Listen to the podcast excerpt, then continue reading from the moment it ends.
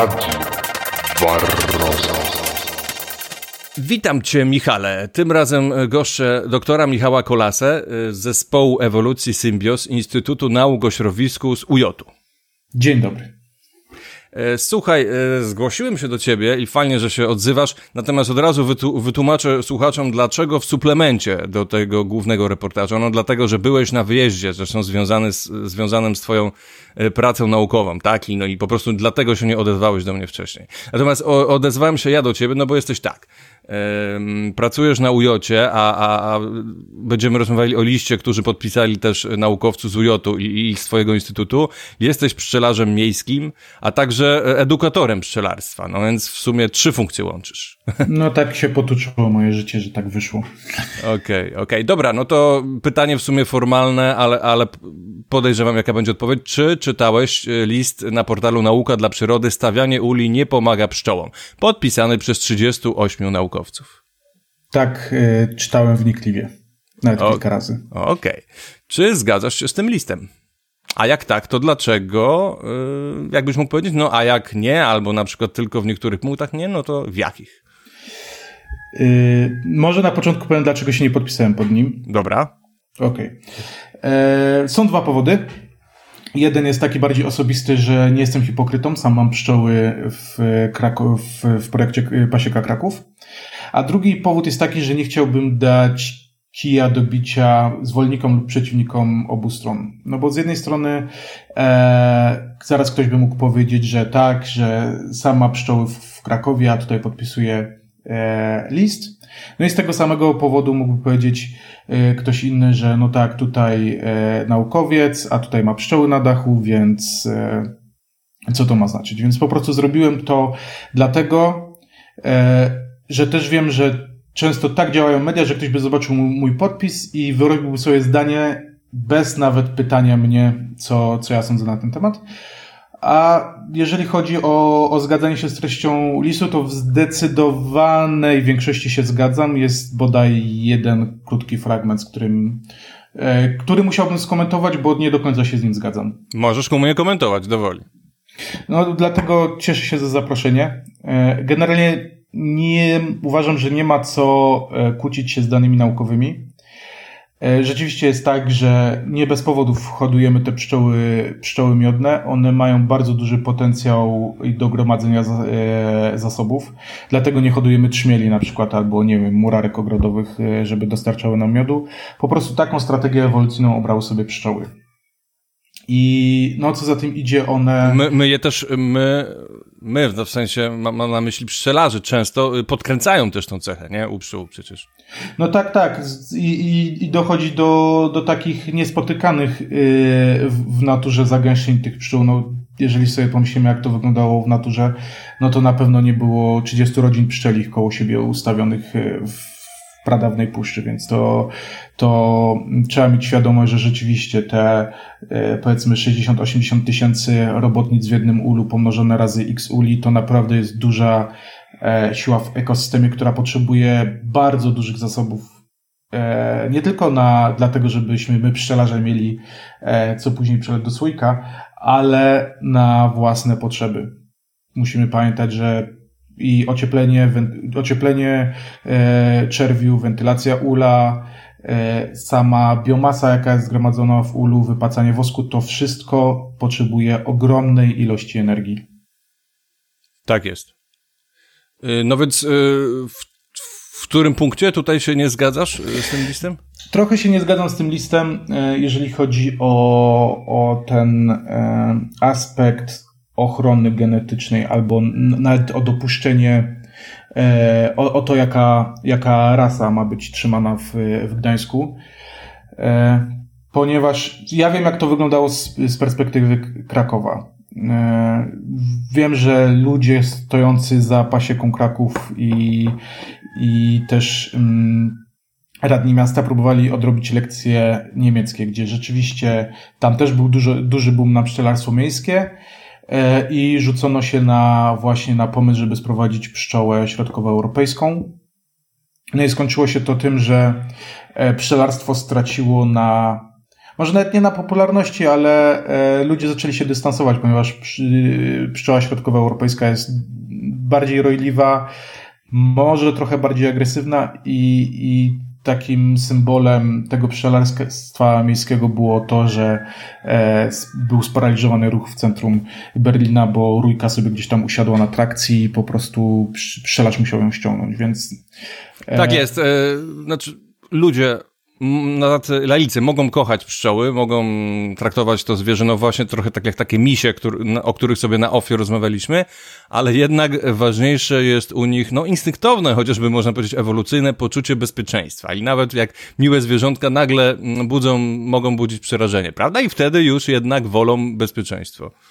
No tak, zwłaszcza, że z, z, moich doświadczeń wynika, że, że pszczoły są fajne, jak ktoś o nich opowiada, ktoś sprzeda swoich miodu, ale często jak się mówi ludziom, no to zapraszam tutaj, proszę zajrzymy do ula.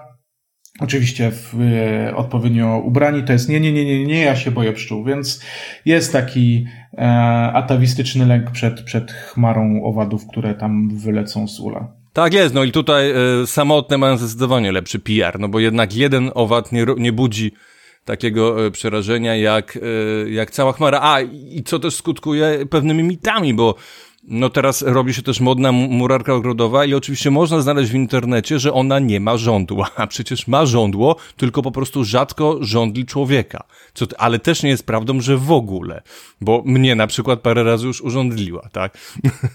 No, no tak samo jest z szmialem, chociaż tutaj muszę e, trochę stanąć w e, obronie pszczół samotnych, bo jeżeli ktoś w ogóle wie, e, tak ekstrapoluje opinię może na całe społeczeństwo, może błędnie, ale jeżeli ktoś wie w ogóle o pszczołach samotnych, to wie właśnie o e, murarce ogrodowej w zasadzie tyle, a, a w Polsce mamy 450 gatunków pszczół, z czego większość jest e, samotnicami i generalnie, że tak powiem, obie strony, nie chcę mówić sporu, bo, bo niekoniecznie to jest spór, ale dyskusja, mają rację. E, tylko kwestia, jak rozwiązać te, mm, ten problem, jeżeli możemy to tak nazwać. Chociaż e... trochę wcześniej powiedziałeś o, nawet coś więcej o sporze, nazwałeś to dwie strony e, nie pamiętam jak, ale coś zabrzmiało to tak jakby, mm, e, jakby ring bokserski, tak? Które się wzajemnie e, by zwalczało i też dlatego nie chciałeś podpisywać. Pytanie, czy, e, czy, czy, czy, mm, czy na pewno tak jest? No może jacyś by się ludzie znaleźli, ale przecież no ten, ten list przecież, no nie wiem, no nie chce zakazywać pszczelarstwa, tak? Czy coś w tym stylu. Tutaj dodam, że nawet nie chodzi mi o, o dwie strony pod tytułem z jednej strony Urząd Miasta Gdańska, a z drugiej strony E, gro ludzi, aktywistów i naukowców. Bardziej chodzi mi o, o spektrum społeczeństwa, prawda? Bo to nie jest tak, że, że to jest powiedzmy 40 osób, które tam ze sobą dyskutują, tylko to jest, e, no jesteśmy jednym społeczeństwem, każdy ma jakieś swoje opinie i każdy może się opowiedzieć po stronie tej dyskusji. E, więc w zasadzie o to mi chodzi, że a jak wiemy w social mediach ludzie często są bardziej dynamiczni niż byliby na żywo. E, więc dlatego też e, mogę mieć swoje zdanie, mm, mogę e, zgadzać się z większością listu, mogę się nie zgadzać z częścią, ale też to jest na tyle komfortowa sytuacja, że mam wybór nie podpisania się i po prostu komentowania z boku, a nie obstawania przy jednej z opcji. Rozumiem. No, skoro poruszyłeś Gdańsk, to, y, to pytanie, mm, jedne z kolejnych. W Krakowie, o czym już mówiłeś, ale także sam jesteś pszczelarzem miejskim, sam jesteś edukatorem, o czym jeszcze porozmawiamy za chwilę, jak i w wielu innych dużych miastach, bo to też ten, ten list wydaje mi się, że raczej dotyczy takich wielkich miast, nie jakichś takich małych miasteczek. Jest, yy, powstało w ostatniej dekadzie, no nie mało paciek. Dlaczego właśnie Gdańsk? Jak, masz na to jakiś pomysł? E, szczerze powiedziawszy, ja mogę mieć przeczucia, ale nie wiem, czy to jest prawda. Natomiast porównałem sobie e, uchwały tych dwóch miast na temat pasiek e, w swoich granicach. I żeby była jasność, ja jestem Krakusem, więc też nie chcę, żeby ktoś myślał, że tak, tutaj e, jestem, e, wywyższam Kraków, bo to jest moje miasto, ale e, prawda jest taka, że wydaje mi się, że ta ustawa w Krakowie jest dużo bardziej szczegółowa i dużo bardziej bezpieczna, mhm. E, ponieważ przede wszystkim wskazuje, jakie pszczoły możemy hodować konkretnie.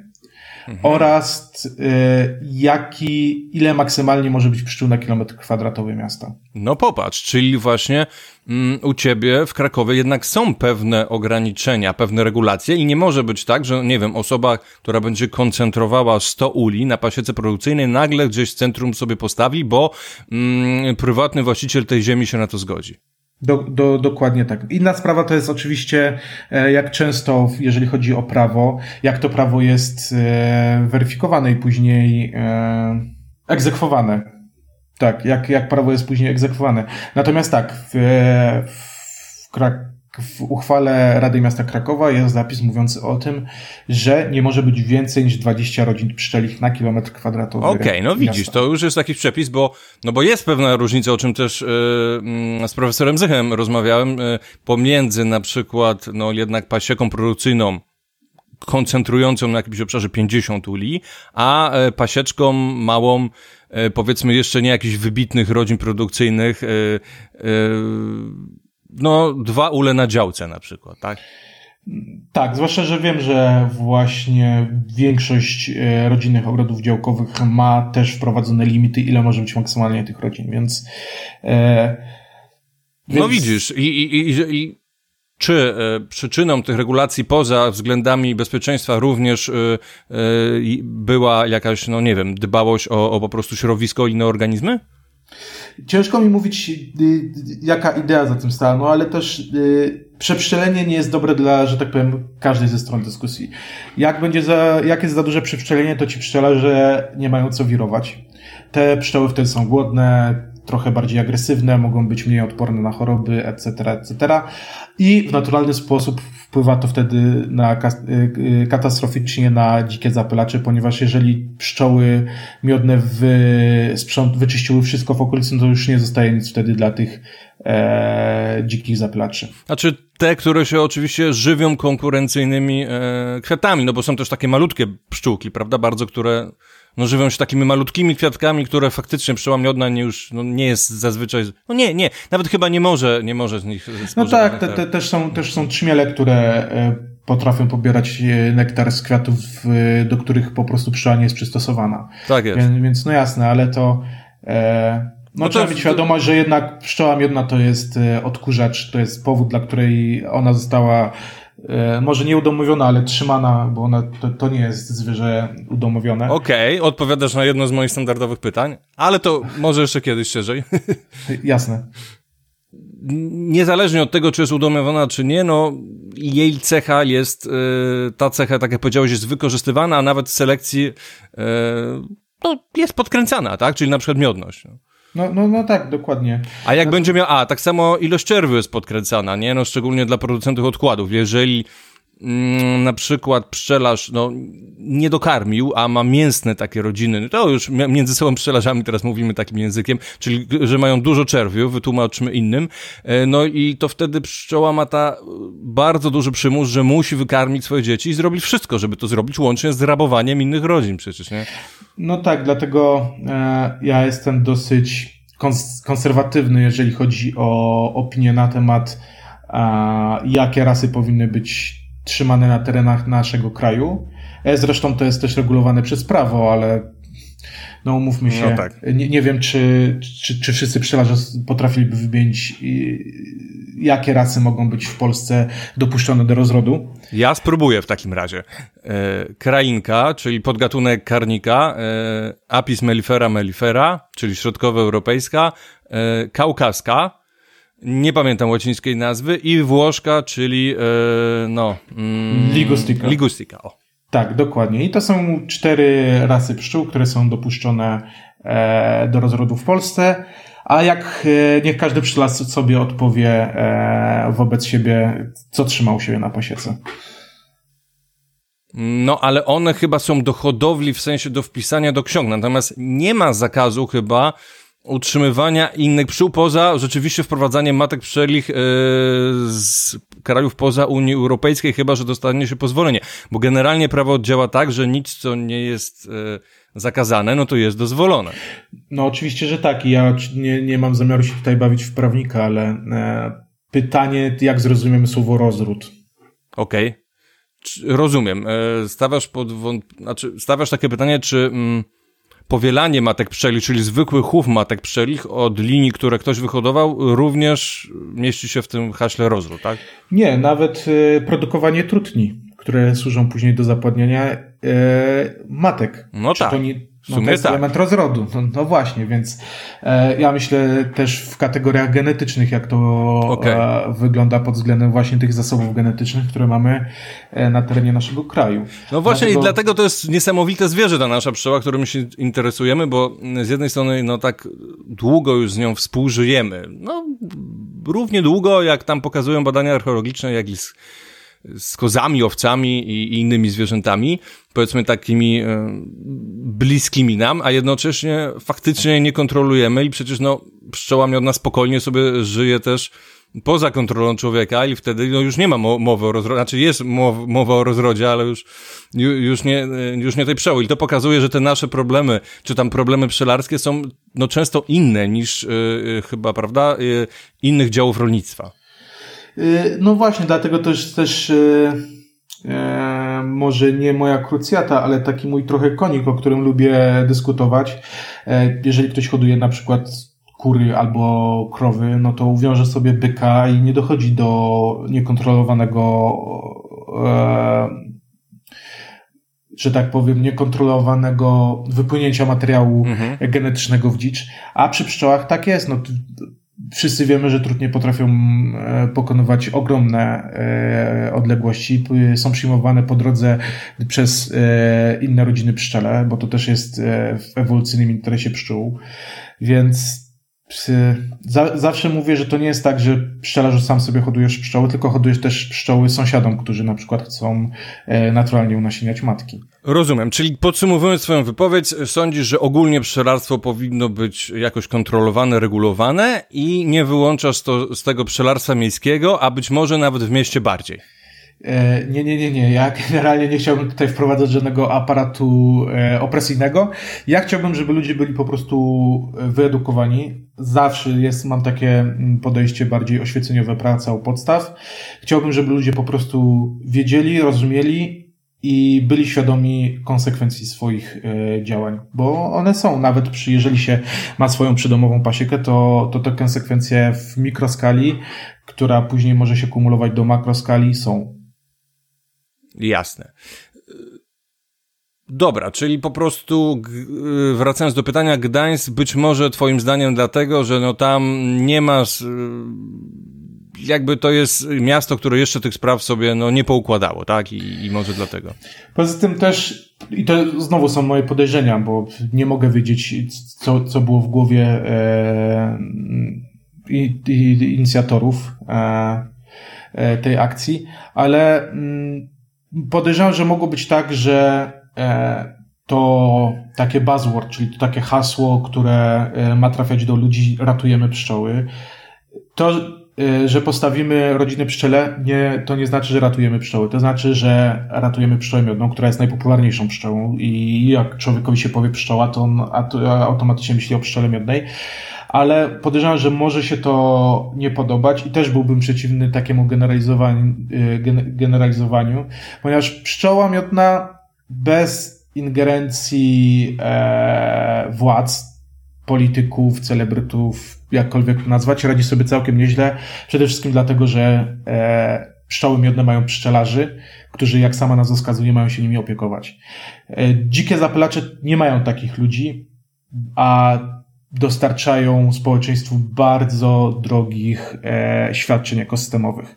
Więc też rozumiem e, takie podejście, że e, słuchajcie, może nie wyolbrzymiajcie, że ratujemy pszczoły, bo postawimy pięć uli, tylko mamy e, pasiekę miejską, która służy edukacji, fajnie, ale nie, nie mówmy od razu, że ratujemy cały świat pszczół e, przez to. Ja to tak rozumiem i I faktycznie e, jakby potwierdzę twoje podejrzenia w tym sensie, że, że no rzeczywiście użyto e, takich haseł przy promocji tej pasieki, że wręcz ochrona, że to jest ochrona środowiska i że pszczół w mieście jest e, właśnie za mało i, i, i w ten sposób będziemy chronili środowisko. Także No właśnie, a takie skróty myślowe mogą być dosyć niebezpieczne, więc e, poza tym czytałem też ten artykuł, który tam jest cytowany i, i zęby mi same zgrzytały, kiedy e, przeczytałem o e, gatunku lokalnym pszczoły miodnej. A, no tak, tak, tak. To jest generalnie tak. Znaczy, chciałbym, żeby dziennikarze robili porządny research i zapytali pszczelarza, bo z tego artykułu wynika, że oni tam mają e, pszczelarza pod ręką, żeby go zapytali Aha. albo dali mu do sprawdzenia ten tekst. E, mamy jeden gatunek pszczoły miodnej na terenach Europy i Afryki naturalnie występujący, ale mamy dużo ras lub odmian geograficznych, żeby nie być nazwanym rasistami. W obrębie ras mamy różne linie i wiem, że początkujący pszczelarze mają z tym problem właśnie, żeby, żeby mhm. rozróżnić te rzeczy, jak to się tam nazywa. To jest trochę taka grypsera pszczelarska, no ale to jest ważne. Ale wiesz co, to jest też PR, no po prostu mm, ten tekst układają specjaliści od PR-u, w tym momencie specjaliści od PR-u Urzędu Miasta i oni no... Mm, no, PR się rządzi trochę swoimi prawami, podejrzewam. E, no, no może tak, no. Tylko no, według mnie, e, nieważne jak dobrze tekst jest skonstruowany PR-owo, kiedy widzę e, babol merytoryczny, to od razu spada jakość tego nawet najlepszego materiału PR-owego. Zgadzam się z tobą, no ale większość ludzi się nie zorientuje, prawda? No bo nie wie w ogóle o co chodzi. No, no i wracamy tutaj do, do punktu wyjścia, gdzie projekt, który ma służyć edukacji, sam w sobie ma błędy merytoryczne. No i to jest taki trochę pusty śmiech. E, rozumiem, ironiczny. rozumiem. Dobra, słuchaj, no to powiedz, ponieważ jesteś pszczelarzem miejskim, e, masz pszczoły również w mieście Kraków i edukujesz, tak? E, między innymi mm, z tego, co się zorientowałem, mm, czymś takim, co się nazywa Akademia Pszczelarza. Mm, rozumiem, że edukujesz tam e, młodych pszczelarzy, ale również e, na przykład młodzież, tak? E, tak, generalnie mm, teraz mam trochę z racji pracy urlop od, od tej e, edukacji, ale tak, generalnie prywatnie też, kiedy rozmawiam z ludźmi, albo nawet na grupach facebookowych, co e, czasami odbija mi się czkawką, staram się edukować ludzi. Znaczy edukować to też tak e, może brzmieć e, dwuznacznie, bo nie chcę się stawiać w jakiejś wyższej pozycji, ale staram się rozmawiać z ludźmi na tematy, na których się znam, e, tłumaczyć, że nie wszystko jest, e, można przyjąć na chłopski rozum, e, więc tak, staram się generalnie spopularyzować pszczelarstwo. No właśnie, to co sądzisz o takim pszczelarstwie miejskim, jakie może mieć ono cele, czy jakie ma cele? No takie właśnie prawdziwe. Mm. Y nie ma co uciekać od tematu PR-u. To jest na pewno dobry PR dla, dla miasta lub dla firm, które chcą mieć u siebie na dachu y, pszczoły, bo jest to modne. Wiemy, że na katedrze Notre Dame były pszczoły, które przeżyły pożar. E, więc to jest jedna sprawa. Żyjemy jednak w, czy tego chcemy, czy nie, w kapitalistycznym świecie i, i ten PR się liczy, ale e, ja mam nadzieję, że przede wszystkim najważniejsza jest właśnie ta mm, strona edukacyjna, gdzie można porozmawiać z ludźmi i rzeczywiście im powiedzieć, że e, tak jak kiedyś był odpływ ludzi ze wsi do miast, tak teraz jest trochę odpływ pszczół ze wsi do miast z prostego powodu. Pszczołom jest po prostu lepiej w mieście i to nie ma co się ukrywać. W mieście nikt nie pryska e, żadnymi środkami ochrony roślin, a jeżeli pryska, to nie na taką skalę. W mieście jest cieplej, wszystko jest raczej dobrze nawodnione, więc wszystko lepiej nektaruje i to jest takie trochę... Wiele europejskich miast jest traktowanych w ogóle jako źródło pożytku e, towarowego dla pszczelarzy, gdzie, gdzie pszczelarze po prostu wywożą pszczoły czy to na lipy, czy na e, akacje, a raczej robinie akacjową, żeby nikt się zaraz nie, mhm, nie, nie mhm. przyczepił, że tu naukowiec a używa słowa akacja, a akacje to w Afryce. Tak jest. E, więc, więc tak, no z tego co wiem... Normalnie są pszczelarze w Europie Zachodniej, którzy wywożą na pożytek towarowy do miasta, sami mieszkając y, poza miastem. Dokładnie. Okay. No i e, tego co wiem, a przynajmniej nie zauważyłem na terenie Krakowa ogromnych, e, ogromnych pasik towarowych, które wysysają e, nektar z lipy czy z akacji. Co z jednej, co, co jest dobre, ponieważ dajemy tą przestrzeń życiową e, tym dzikim zapylaczom. Jednak e, nie zawsze można liczyć na zdrowy rozsądek ludzi, więc dobrze, że te, te regulacje też są, moim zdaniem. Że jednak weź, jest napisane na, gdzieś na papierze, że e, weźcie pod uwagę, że to jest skończony zasób. E, Michale, teraz mówiłeś o tym mieście i o tym, jak się pszczoły e, czułem w mieście, więc trochę takie pytanie ewolucyjne, czyli trochę pod ciebie, bo jesteś no, naukowcem w zespole ewolucji. Jest taki termin jak synantropizacja. I, a tym bardziej synurbizacja, czyli właśnie organizmy dostosowują się do życia w mieście. Czy, czy pszczoły też mogą być takimi organizmami? Ciężko mówić o ewolucji, kiedy co dwa lata wymieniamy matki pszczele na e, matki od hodowców matek pszczelich, więc co, co nie, oczywiście nie, nie jest niczym złym i nawet e, dobrze jest mieć matki o wyrównanym pogłowiu niż e, mieć jedne super agresywne, a jedne super łagodne, więc tutaj absolutnie nie, nie chcę e, psioczyć na, na e, odbieranie matek od hodowców które mają jakąś tam jednak wystandaryzowaną jakość. Ale no tak, no w takim przypadku nie możemy mówić raczej o ewolucji, no chyba, że jakiś e, hodowca prowadzi program e, krzyżowniczy i doskonalący linię pod względem przeżywalności w mieście. Michale, miałem na myśli e, też, a może nawet głównie właśnie inne pszczoły, typu pszczoły samotne, które samoistnie sobie żyją w mieście, trochę tak jak powiedzmy inne organizmy w takiej dżungli miejskiej.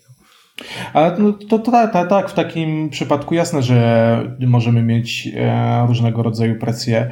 E, istnieje zjawisko, które dopiero z tego co wiem niedawno zostało dostrzeżone, coś takiego jak toksyczność światła. Jednak w naturze nie ma tak, przynajmniej na naszych szerokościach geograficznych, że to światło cały czas gdzieś tam świeci, a, a w, w mieście robi się ciemno i momentalnie zapalają się światła, więc to, to też może być jakiś e, czynnik tym razem negatywny, jeżeli chodzi o miasto i, i wszelkiego rodzaju wady.